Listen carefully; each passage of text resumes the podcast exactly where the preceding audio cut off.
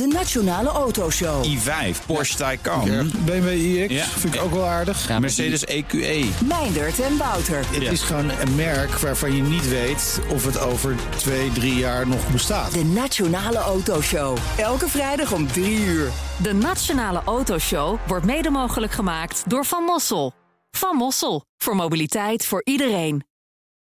Welkom bij BNR Perestroikast, aflevering 141 van de enige podcast van Nederland die volledig oog voor het oosten heeft en geeft. En de vijfde aflevering van onze zomerserie. Zes weken lang hebben wij een bijzonder interview met een perestrooi gast. Met één rode draad, de relatie tussen Oost en West. En voor onze vijfde Perestrooi-gast reisde de Perestroikast af naar Berlijn. Waar Floris en ik een ontmoeting hadden met schrijver Sascha Marianne Salzman. Eastern Europe is such a complex, multi-diverse area that it's it's not easy to understand. You need to have a lot of history lessons which we didn't have in school. Met vandaag een extra focus op de rol van Duitsland in Europa. Het land waar Sascha Salzman, een non-binaire schrijver met Russisch, Jiddisch, Oekraïnse wortels, sinds het tiende levensjaar woont. Ja, Duitsland, het land dat nu met heel veel moeite doorheeft dat Oekraïne niet hetzelfde is als Rusland.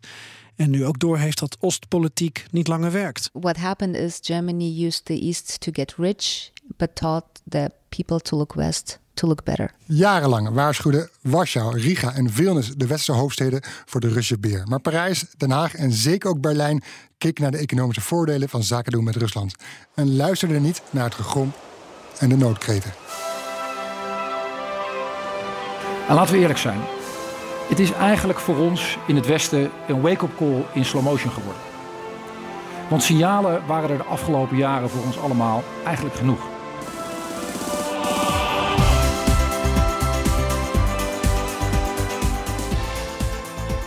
Berlijn, de stad waar Oost en West samenkomt en voelbaar is.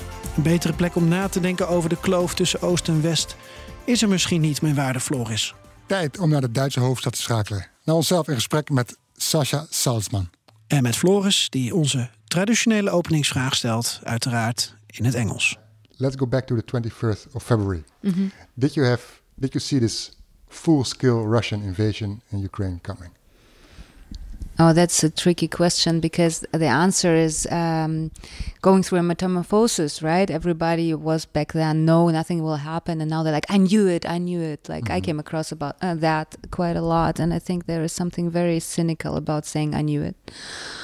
I remember in in January having a talk with my best friend, saying, you know, in March the pandemic will be over and the war gonna start.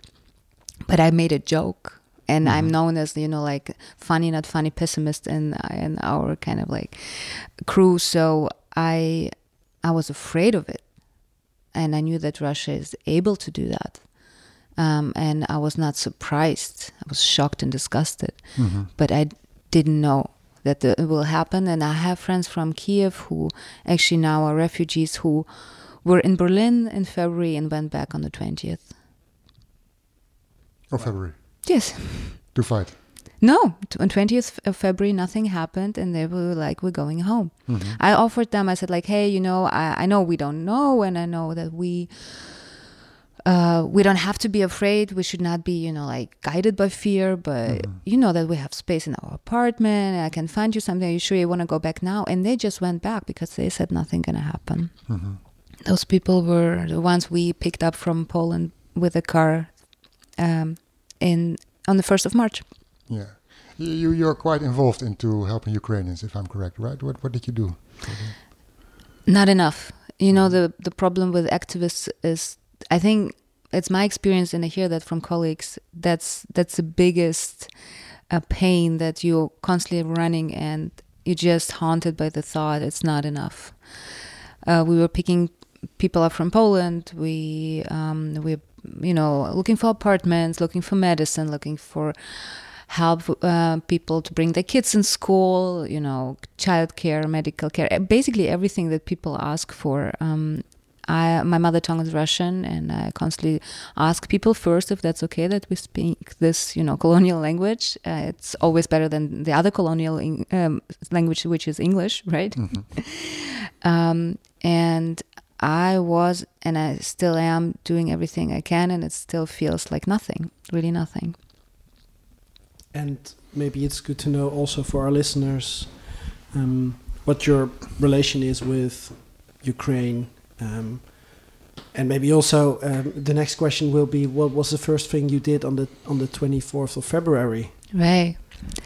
Okay, so I, I tried to keep it short as I could. Um, uh, my family is from Ukraine. I was born in Russia, and my mother was born in Russia, but already her uh, parents met in Chernovitz. And by the way, this week is their 60th uh, anniversary day. They're married for 60 years, and they're like very much a Chernovitz couple. Um, very Jewish, very Ukrainian. if you want to congratulate them on Dutch radio, this is your chance. I will congratulate them in Russian at their place. but uh, they're, you know, like they're my biggest role models. They're superheroes. Uh, they were born uh, in um, end of the 30s, beginning of the 40s. Can you imagine these times Mm-hmm, in Ukraine? They were fleeing the Nazis. They were fighting the Nazis. And my grand grandparents, uh, um, grand grandfather Sasha, whose name I bear.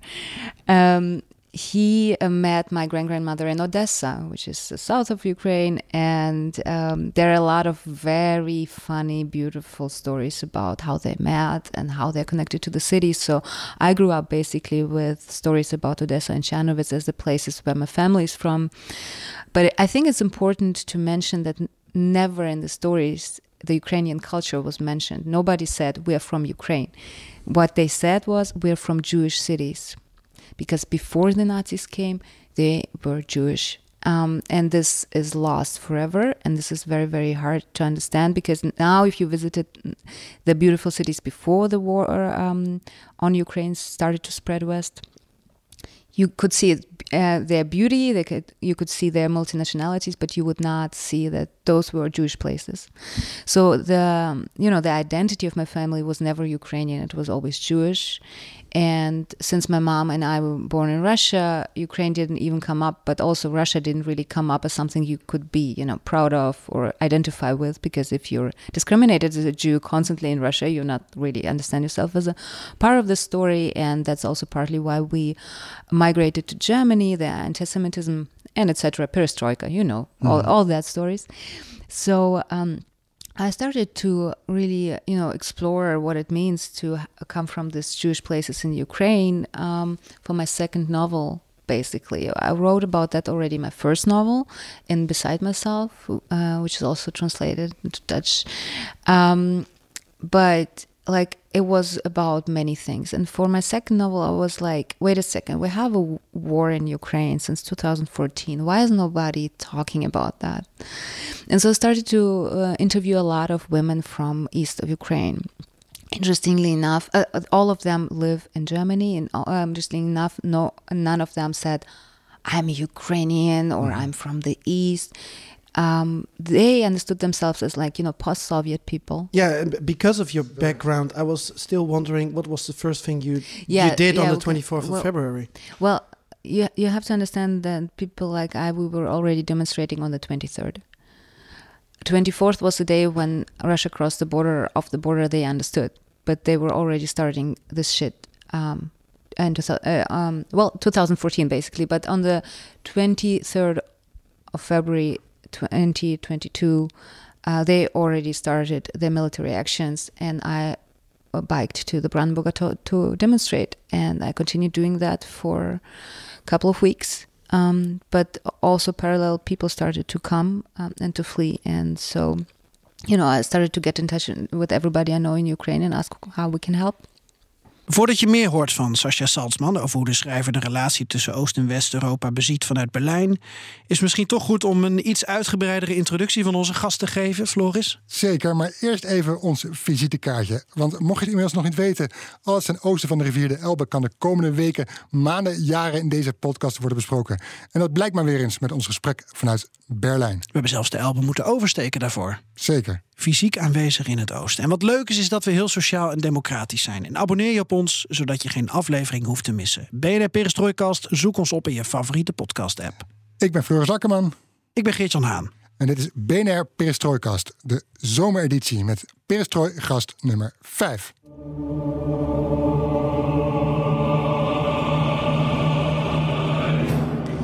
Dat is dus Sasha Mariana Salzman, schrijver van boeken, toneelstukken, essays. Op de Nederlandse markt is al verkrijgbaar buiten mezelf. En Salzmans tweede boek verschijnt op 28 september. Alles moet mooi zijn aan een mens. Waarin het ook gaat over vier levens tijdens omwentelingen. Van perestroika tot aan het Europa en Duitsland van nu. Nou, de voorouders van Salzman komen uit Oekraïne. Zelf is geboren in Rusland. En ze is non-binair. Dus als ik zeg ze is, dan moet ik dus eigenlijk zeggen uh, hen is of hun is. Uh, excuus voor de verwarring daarbij af en toe. Maar we proberen uh, Salzman daarin te respecteren natuurlijk. Zeker. Zelf noemt Sasha Salzman zich een homo sovieticus. Gevormd door de verdwenen Sovjet-Unie. Waar hun werd geboren in 1985 in Volgograd. Met een familie waarvan de wortels in Rusland en Oekraïne liggen. We pakken hem nu op bij het essay van Salzman. De Russen stonden nog bij Kiev toen Trouw het essay De grote honger en het lange verzwijgen van Sascha Salzman publiceerde over het vergeten Oekraïne. Dat was eerder verschenen in de Zwitserse Neue Zürcher Zeitung. En dit essay komt voort uit hun boek Menschen muss alles herrlich zijn, waarvan dus de Nederlandse vertaling Alles moet mooi zijn aan een mens eind september uitkomt. Ja, opvallend aan dat essay, Salzman schreef het al voor de oorlog. Well, you know, all the media was full since December about what's happening on the border to Ukraine. It was not only in my head, it was all over the place that Russia is gathering hundreds, thousands mm-hmm. of uh, soldiers. And uh, at one point, I couldn't think about anything else, to be honest. So, like this, you know, the the tensions uh, reached me personally very much earlier. And when the Neue Zürcher Zeitung approached me, they were just like, "Hey, you have a carte blanche for an essay." I said, "Like, there's only one thing I can think of. Let me write about Ukraine." And there was a very tragic dynamic in my conversations with the editor of this piece because when we started for him, it was just a historian, you know, like essay. And suddenly it became very much about what's going on right now. And the essay um, appeared two days after the war started to spread west. En in dat essay haalt Salzman regelmatig de markante Oekraïnse schrijfster Oksana Zabushko aan. Zabushko heeft het over hoe Oekraïne langzaam is opgehouden met bestaan voor de buitenwereld. She's finding words and naming situations we kind of like would love not to see and not to hear. And it's very, very shaming for all of us, and I'm including myself here, uh, to know so little about this great country. And not great because I'm a patriot, I'm the opposite of that. I don't believe in nations.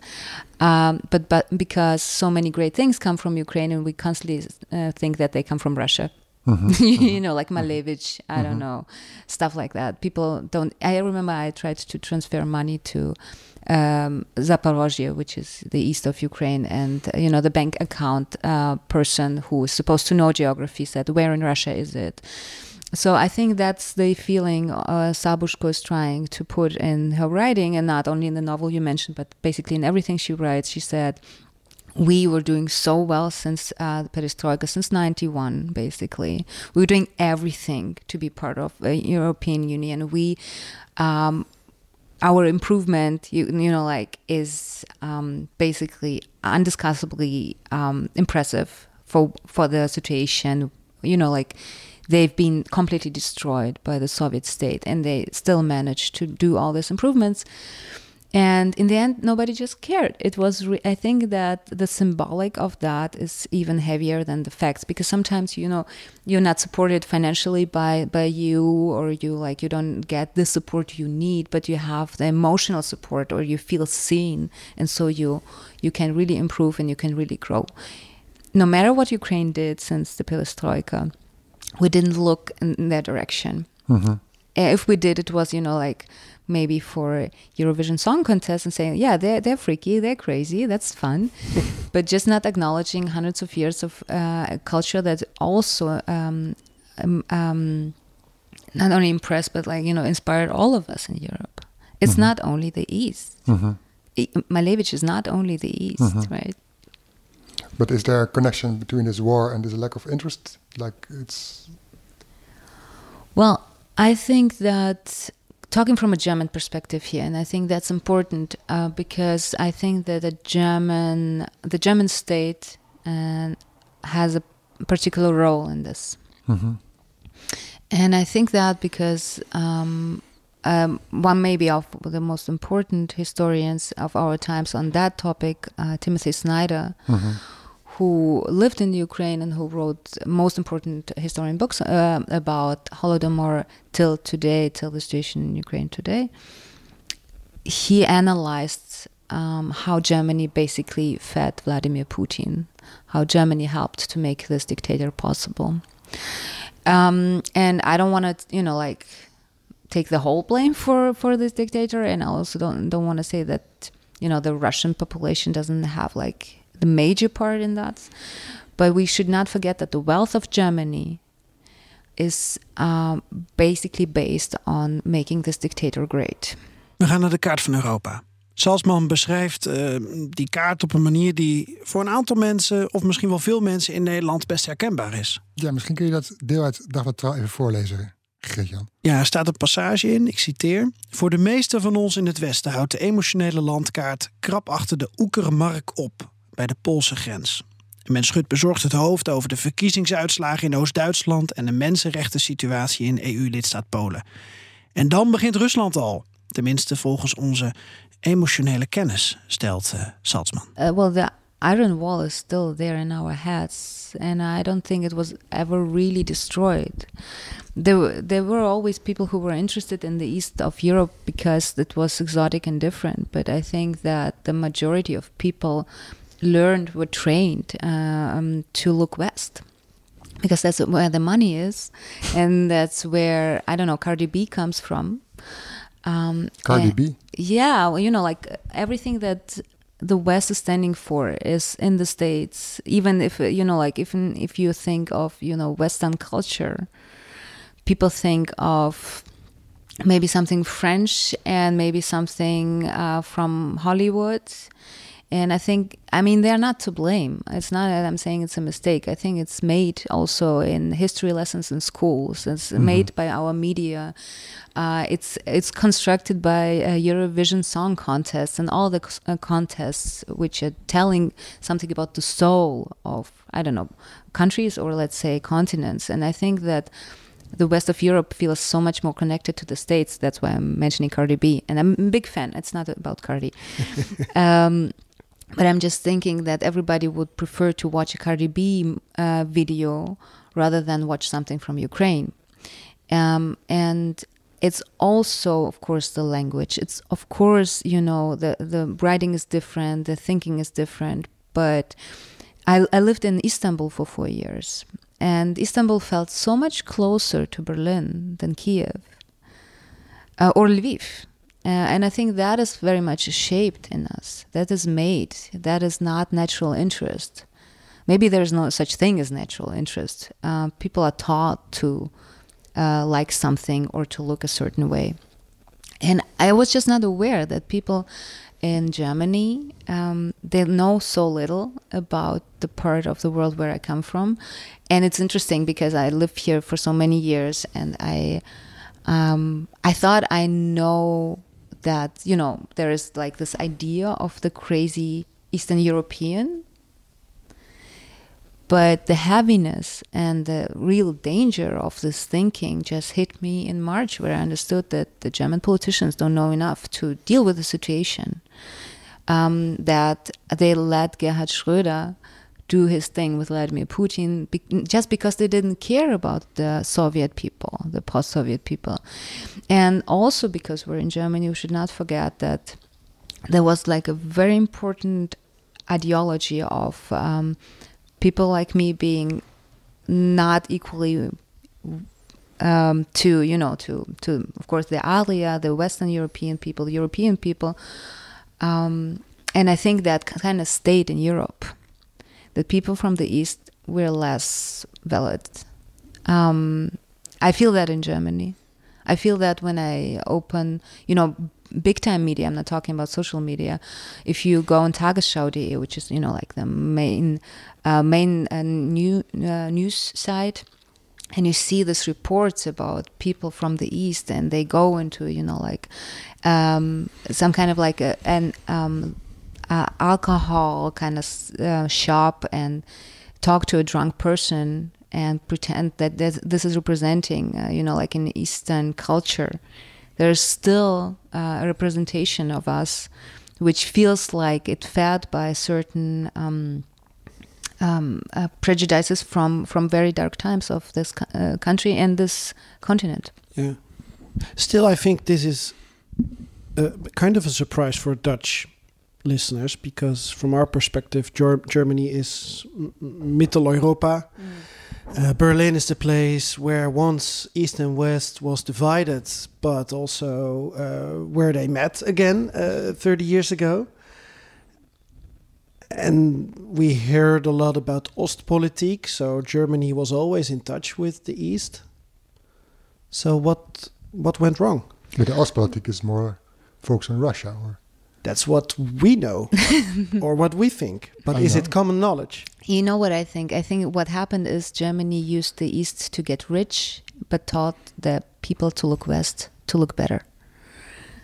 Um, the people in Germany they don't know or didn't know till um, this year that where their gas is coming from, although it was not a secret. They didn't know that Ukrainian blood is basically running through our heating systems, and not only since 2022 because um, how can you have you know the uh, uh, um, annex- annexion of um of the Crimea? How can you have a war in Ukraine and still uh, build these pipelines Germany were building?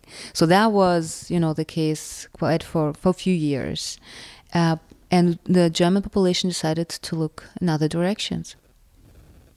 Okay. and uh, now you see a big discussion about what r- Germany has to do Yeah, with yeah. Russia, with Ukraine. Yes, of course, but you know, Uh, like these discussions, they they're not only theoretically or or it's n- not an intellectual um, discussion; it's also an emotional discussion. And Germany and Germans are very connected to Russia and Russians. They don't understand that they're basically connected to Ukrainians too, because if they think of what they understand Russia is, they think of Soviet Union, and of course, Ukrainian was part of that. But I think what I realized, and that was very interesting to me and surprising, um, they're not ready to say completely no. They say no to the war. I think that's out of question. But they don't say Yeah, no to Russia because a lot of people really speak it out. They say like, "But we have such a history together." And then I would say, "Yeah, but you have a history with Soviet Union, and Ukrainian was part of this." What they learned though is that they have a history only with Russia, and that's propaganda. Started with Stalin, and um, you know, still not finished. Obviously, the story is still ongoing. Started with Stalin, and you mean the Second World War? This Yeah, I mean, like Stalin, who destroyed um, Ukrainian culture to the extent that people didn't know till very, you know, like till the 90s that this thing existed. Uh, Ukrainians themselves uh, could not speak their own language and, you know, like um, develop their culture. That worked for um, so many decades. And I think it's Stalin's victory over us that people still know so little. And um, people in the West, let's say Germany, still not connected to Ukraine. Although, if the argumentation is history, they should be more connected to Ukraine than to Russia. So they are still thinking about Russia as the uh, main partner and forget and still are forgetting about Ukraine. Um, I mean, this is politics, and um, I'm not an expert there. I just know that they're negotiating what is worse um, to live with the guilt of uh, helping this war to, you know, like uh, basically to destroy a culture and to destroy a nation, uh, but to keep their voters and to keep the gas in Germany because um, there are not so many alternatives after, after the SPD and Angela Merkel did their work. We don't have so many uh, opportunities, so it's going to be like this. The the um, saying now is it's going to be really cold in the winter, and this is not how you you know gain votes for the next elections. So um, I think I guess that those negotiations are going on, and to feed them or to organize them, there are a lot of you know emotional stories spread around. Like we cannot say no to Russia, but what they actually mean is it's going to be fucking cold in the winter. Um, and um, you know, some politicians are asking the population for understanding, but as we all know, people understand as long as it's not about their very own private life. If it affects them so hard that they cannot, I don't know, turn on the heating or have no gas to cook, there, there will be no understanding for whatever is going on in Ukraine. So th- this solidarity with Ukraine is it, is it too thin, too fragile? It's uh, so that in one moment there has to be happens some economical thing, and this solidarity with Ukraine collapses. Well, you know, um, I don't know how much you can trust solidarity from politicians because their job is manipulation. But if it, we're talking about the population in Germany, they cannot really have their solidarity without really knowing the history of Ukraine and really understanding what is going on. Solidarity doesn't work by just going once to demonstration and mm-hmm. raise a flag. Solidarity means really deeply going into this and then you're emotionally connected. And then you you empathize and you can even you know like then you even cannot support everything that people say but you really care and that did not happen um, and I've been to a lot, a lot of demonstrations at, and was raising a lot of money and been to all kind of, you know, s- um, Benefizveranstaltungen. Um, and I've seen that that people do that once or twice to say I'm pro Ukraine and now you know leave me, my heating alone and leave my gas alone. That's not how solidarity works. Ik vind het toch wel opvallend wat Salzmann hier schetst. Want je weet dat Oostpolitiek bestaat of bestaan heeft. En wat ik al zei, Duitsland is Midden-Europa. Maar voor mij betekent dat ook dat het dan een scharnierpunt is tussen Oost en West. En met alle eerste, tweede, derde generatie Russen, Oekraïners, Polen, alles wat daar woont van de Balkan, eh, zou je toch denken dat met Berlijn als ultiem uithangbord, dat Duitsland snapt dat eh, Oost-Europa niet zomaar Oostblok is. Je zou toch denken dat de afgelopen 30 jaar daar in ieder geval iets van bekend zou zijn geraakt. En Salzman zegt dus eigenlijk: Duitsland heeft het oosten gebruikt om rijk te worden, maar zegt tegen de eigen mensen om naar het westen te kijken. Ja, ook de ogen van de Joodse Salzman zijn door de oorlog in Oekraïne opengegaan. Want eigenlijk is ook de schrijver pas eens kort bezig met hun Oekraïnse identiteit. Nog een stukje uit hun essay van Trouw. Niemand kon Oekraïne op een kaart aanwijzen. En ik vroeg me af, who gives a fuck about Ukraine in my family? Niemand bij ons had ooit gezegd, wij komen uit Oekraïne. Iedereen sprak Russisch en Jiddisch. Oekraïens bestond voor ons niet als taal. In your essay and also mm, in the work of uh, Ukrainian writer uh, Zabushko, um, the word nobody, niemand, it's the same in, in Dutch, niemand. Um, you write it a lot of time. Um, and I was wondering, is the sad outcome of this war that Ukraine is not niemand anymore? Pe- people are at least trying to get to know Ukraine, Ukrainian language, Ukrainian culture, Ukrainian existence. Oh, that's absolutely happening. At least in the cultural sphere, it's really beautiful to see. And I have to say, I was very proud of um, a lot of colleagues in Germany who who were calling me saying like, "Okay, we fucked up. We don't know whom to invite. Give us names, and we're gonna do I don't know Ukrainian festivals, uh, U- Ukrainian playwriting, Ukrainian musicians, all of that. That happened very quickly." and that was really beautiful to see also that people understood that there, there was a problem before and I'm, I'm very happy to see how many of my colleagues from ukraine are working right now in germany and it was i mean nothing is easy um, but um, it's of course it's help, helping everybody. It's helping the i don't know population our audiences to understand more because people sp- talking from for themselves. It's not us talking about them or guessing what's going on. People actually are from there and have knowledge and the skills to you know put it on paper or on stage. That's great. And um, it's it's a horror. It's the worst worst situation possible. Why that's happening but um, it would be worse if you know the war was going on like in afghanistan and we still would not invite anybody and still would just talk about people Yeah. And is it also in a way helping other uh, countries and populations in Europe to let Western Europe know um, about the fact that they exist and that they're not Russia? Um, there are Lithuanians with a Lithuanian language, Moldova. I don't want to get in discussion with Romanians about the language, but okay, there are Moldovan pe- uh, Moldovan people. Is that also some kind of gain? And maybe can we say that we we at least are trying to to to create a Europe where we accept uh, everyone, one and another. Maybe I'm making this too big, but what's your what are your thoughts about that? About closing this mental and, and cultural gap? Maybe it starts with recognizing that the other one exists. It's true, but I think you're too optimistic. Sorry. I think that uh, since uh, the war in Ukraine started to spread west, we forgot about Belarus. Nobody gives a damn about Belarus. Um, and I have friends from there um, who were facing jail and had to flee and realize now that nobody will ever care about them. Um, you know, um, and I think that's that's a dirty game that politics plays with us all the time. It's not only the fault of the media or people being lazy. It's not. It's just our our attention is limited, and how much can you take? Really, how much can you take?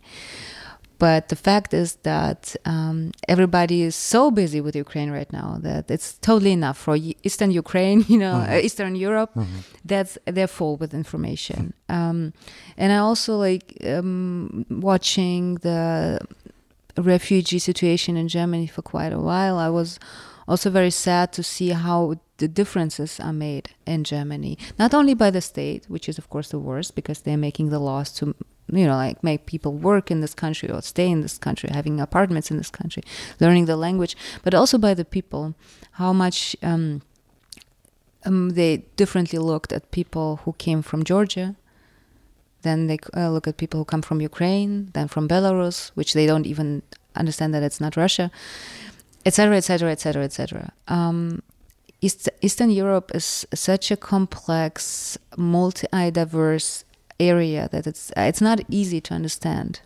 You need to have a lot of history lessons which we didn't have in school. Mhm. We praten met Sasha Mariana Salzman, schrijver met Russisch-Jiddische wortels, maar ook Oekraïens en misschien wel Savok. Salzman schrijft over die zoektocht naar identiteit in de boeken die ze publiceert. Uh, is er niet gewoon een uh, verdwenen homo sovieticus? Een gedeelte waar we nu over doorpraten, Floris, over haar boeken. Uh, een daarvan al vertaald in het Nederlands en een andere komt eraan. I'm a professional wanderer about everything that's going on. I have to raise questions I didn't come up with before. For me, it's a constant task to ask, what didn't I ask? Um, and I thought I know everything about my family mm-hmm. after I wrote my first book. And it was a very interesting moment to understand that I completely blacked out on the perestroika times um, Blacked out. Yeah. Blacked out. Yeah. mm-hmm. um, and uh, that's how subconscious works because it's too painful. You don't think about it. So I guess writing for me is, you know, to get into your subconsciousness and find out what you don't want to know because that's the most interesting part. Mm-hmm.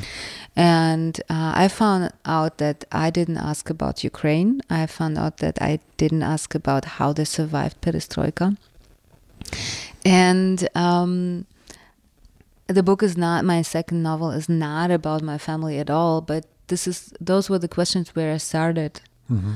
why don't i know anything about the country where my family is from mm-hmm. and why don't we talk about the war going on there and so i interviewed um, a lot a lot of women from um, the part of ukraine we now call donbass and uh, they all live in germany uh, they're all wonderful people who did not want to talk about politics. I love that part. They were like, no, whatever. Um, their most important um, decision and um, um, kind of thought on what was going on in Ukraine was to leave Ukraine. So, you know, they were not patriots. Uh, but also not fans of Russia. They were just normal people having trying to make their living in what they understand was the West, um, raise their kids, and I I just I basically sat with them for hours, um, listening and listening and gaining questions from there. That's how I do interviews. I don't come with questions. I make people you know just talk to me, and then I understand what I didn't know. I'm gonna mm-hmm. shut down the laptop. Yeah, now. just put on. exactly but um, well our time is limited and i didn't have uh, limitations with them. We were sitting for six hours. Yeah. Then you can do that. Um, you can open it. Oh but still. So open it because we have 10 minutes. I know. No, um, no but that's the thing. So um, and i didn't portray the women and I didn't portray my family, but I talked to them to understand how little I know. Yeah. But still, uh, I have one question that was not prepared because I remember from another um, uh, writer. She's from the Netherlands. She has family in Donbass as well, uh, Lisa Weeda, Mhm. and she was also talking about um, her her family. They, they're they're they're attracted to to Donbass, to the region, to the to the ground. They're always talking about the ground, literally the ground, the territory, the place where their house and their uh, their garden is is on. That's the most important thing for them, and maybe the village, but they're not talking about politics or Russia here or Ukraine Yeah. there. Okay, maybe that not everything in Kiev should be decided. Um, maybe let let the the oblast decide or something like that. Is that also something you experienced? No, because my family is from um, Janovitz and Odessa, and they didn't have the ground. Literally, they were more intellectuals who cared about, you know, um, the Jew- Jewish part of the culture, and that was very, very important. They never spoke about, not even about the beauty of Odessa, which is really crazy beautiful, right? Um, they showed me a lot of pictures, and even uh, they even have recordings from back then, like hundred years old recordings of the streets of Odessa. Um, but they were always, uh, well, first of all, they were speaking Yiddish, which was important for them, more important than speaking uh, U- uh, Ukrainian. Um, second of all, they were so proud of the culture that was nearly erased from this planet that that was, you know, the center of the conversation. And that was my knowledge about Ukraine that we are from, you know, like the Jews are from there and Jewish culture could flourish there.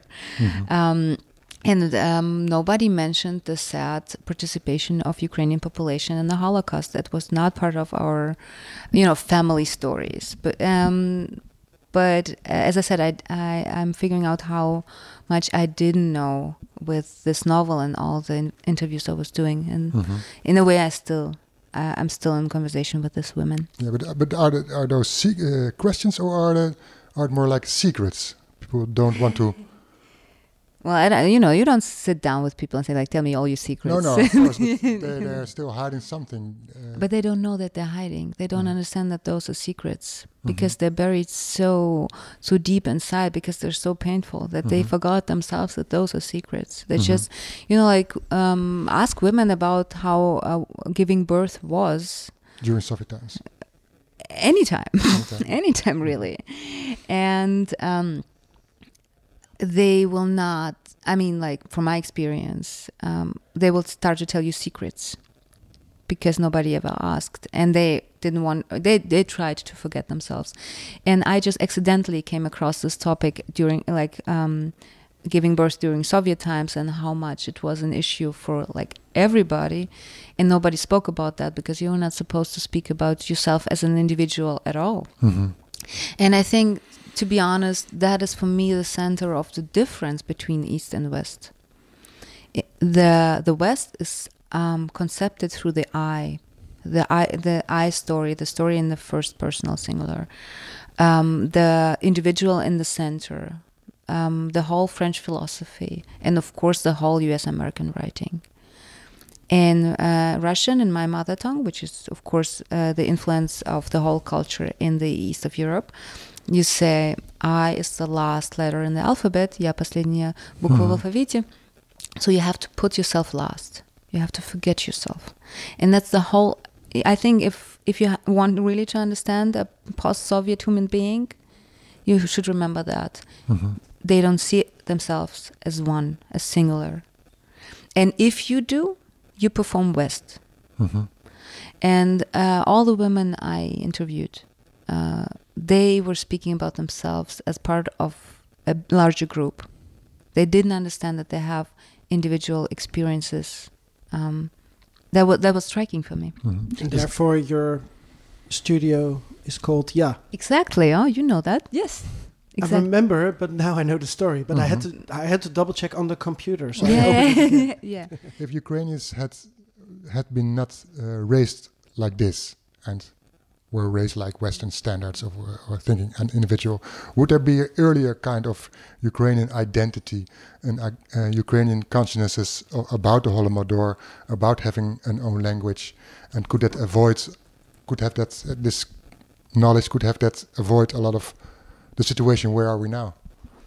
Um, no, I don't think so because Ukraine was constantly under terror um, since 100 years now.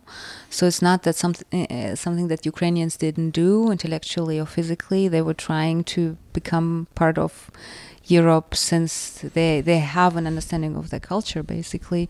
But I think that the Stalin terror did uh, his best to really destroy and uh, weaken uh, this culture, and it's very very hard to rebuild. And it would have been possible if Angela Merkel would have helped a couple of years ago, but it was very important to Merkel, who, by the way, already admitted it, to have good relations with Putin. So she didn't let Ukraine really stand up on their feet and being part of the conversation. Mm-hmm. And it's really interesting to me that uh, back then she was arguing with, you know, there is so much corruption in Ukraine and it's such a shady state. But now she just said it. Now she's not a Bundeskanzler anymore, so she could just really openly say it. We could not play with Putin, so we could not let, uh, let um, Ukraine in. Um, so you know that's not nothing that uh, Ukrainians could have done better or avoid certain situations. They were under terror of what we call Russia today for hundred years. Mm-hmm. At the beginning of the conversation, you said something about that you don't believe in nation states. Yes. So, do you believe in the continent Europe, or do you believe mm-hmm. in European culture? I do believe in geography. There is a thing called a continent, and I even know that this continent got borders, um, but they're made by people and countries disappear. Look, I was born in a country that doesn't exist anymore, um, Soviet Union, and ask person from Yugoslavia, right? Um, borders uh, could vanish, borders could be made. Um, I don't believe in nations, but I do believe in culture, um, especially as a person who, um, you know, whose job it is to create culture and create culture. I know that, um, for example, Ukrainian culture is very, very old. So it's not that I don't believe in the Ukrainian nation. I just don't believe in the concept of patriotism. So therefore, because in in June, Olaf Scholz uh, went to Ukraine, and um, I think uh, a lot of people did not expect him and Macron and um, Draghi to say to Zelensky, "Okay, Ukraine, you're welcome to follow the European path. That was quite a, a, positive shock to, to, people. I think to you maybe as well. Um, but the thing is, we're talking about Western values or European values, but you're actually say, saying, let's talk about values in general. And Ukraine wants to be a country, uh, democracy, values, um, respect. Those values, those are more important than following a European path or a Western path. Yeah, I don't believe in this European or Western part because the EU has also countries that really don't, you know, like that they're not in the 21st century and we still got them. Um, let's say like Hungary, right? So that uh, somehow I don't see an argument not to let Ukraine in, but have Hungary uh, being part of the EU. But this is politics, and I understand that it's more difficult than what, what I'm saying right now. Um, I think that what we need to discuss is uh, how we want to understand Europe right now. Um, the fascism is rising everywhere, and France, for example, has much bigger problem with fascism than Ukraine. Um, uh, Italy is falling apart politically. Um, um in Spain, we got ongoing um, riots with Catalonia. So um, Europe itself got huge problems to solve and to put yourself first as a you know like, as a european culture and say like we know the path we know the way and you may be invited to follow. I don't believe in that.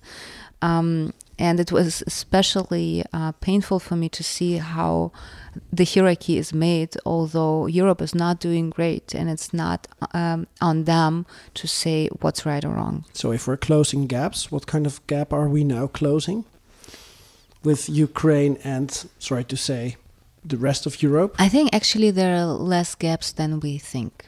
In the end, it's it's one of our neighbor states. Uh, it's one of the countries we don't know uh, enough about, but we don't know enough about a lot of countries on this continent. Mm-hmm. And it would be great not to think about them coming to us, but all of us coming together. And it starts with knowledge and, and, and being interested in, in, in the other reading, always reading and music. Hey, Ukraine has most amazing music scene. If you're not into reading, you should listen to music. Mhm. If, may I have one question more?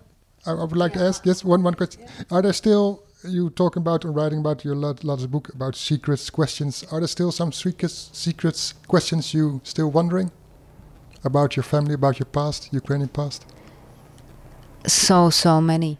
Uh, it's it's basically a chain of questions and, and fields I don't know about. Um, and most of facts I will never really know because people people don't speak about it or they forgot about it or they force the information you know to kept uh, in the closet forever. Let's say about everything that was going on in the gulag.